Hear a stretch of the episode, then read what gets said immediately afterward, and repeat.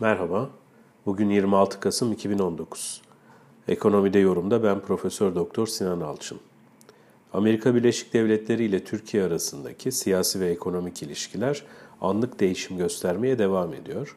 Özellikle dün ve bu gece yarısı e, ajanslara düşen haberler Amerika Birleşik Devletleri ile Türkiye arasında henüz çözülmemiş olan yaptırım meselesinin yakın dönemde de tekrar gündeme gelebileceği yönünde bir izlenim yaratıyor.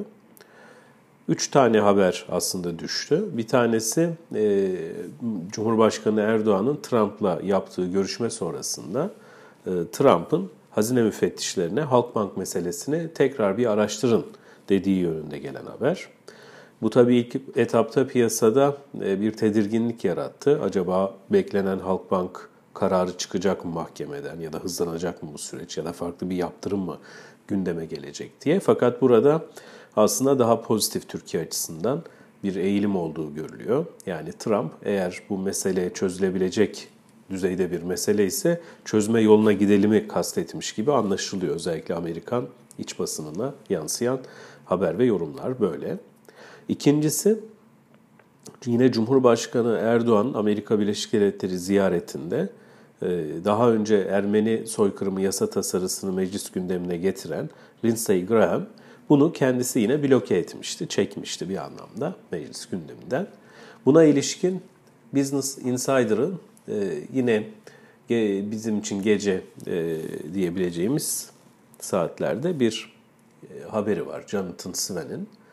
Ee, burada özellikle Lindsey Graham'a Cumhurbaşkanı Erdoğan ziyareti sırasında bir anlamda psikolojik baskı yapıldığı ve e, bu yasa tasarısının mevcut haliyle duruyor olması mecliste, temsilciler meclisinde Cumhurbaşkanı Erdoğan'ı sinirlendirdiği, dolayısıyla bu yönde bir geri adım atması gerektiğinin kendisine Beyaz Saray tarafından telkin edildiğini söylediğini aktarıyor Jonathan Swen, Lindsey Graham'ın. Graham de iki ülke arasındaki ilişkilerin yumuşaması için veyahut da kendisinin bir gerginlik sebebi olmasının engellenmesi için tasarıyı bloke ettiğini söylüyor. Üçüncü unsur S-400 testleri. Bu konuda da Ankara'da Rusya'dan satın alınan S-400'lerin testlerine başlandığı yönünde haberler geliyor.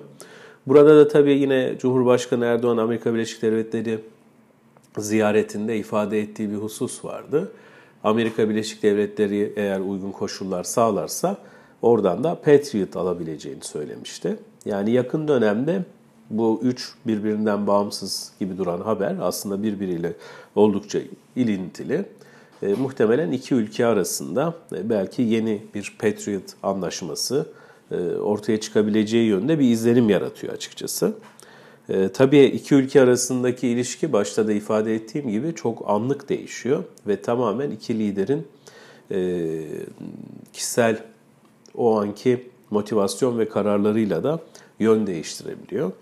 Dolayısıyla e, bu da e, özellikle Türk lirası üzerindeki e, güven bozulmasını destekleyen bir durum ortaya çıkartıyor. Nihai olarak iki ülke arasında varılacak bir anlaşma, uzlaşı, Patriot'lar üzerinden ya da yaptırımların kaldırılması ya da e, daha kısa erimli olarak Halkbank üzerindeki davanın düşürülmesi e, bu puslu havayı belli bir ölçüde dağıtabilir diye düşünüyorum.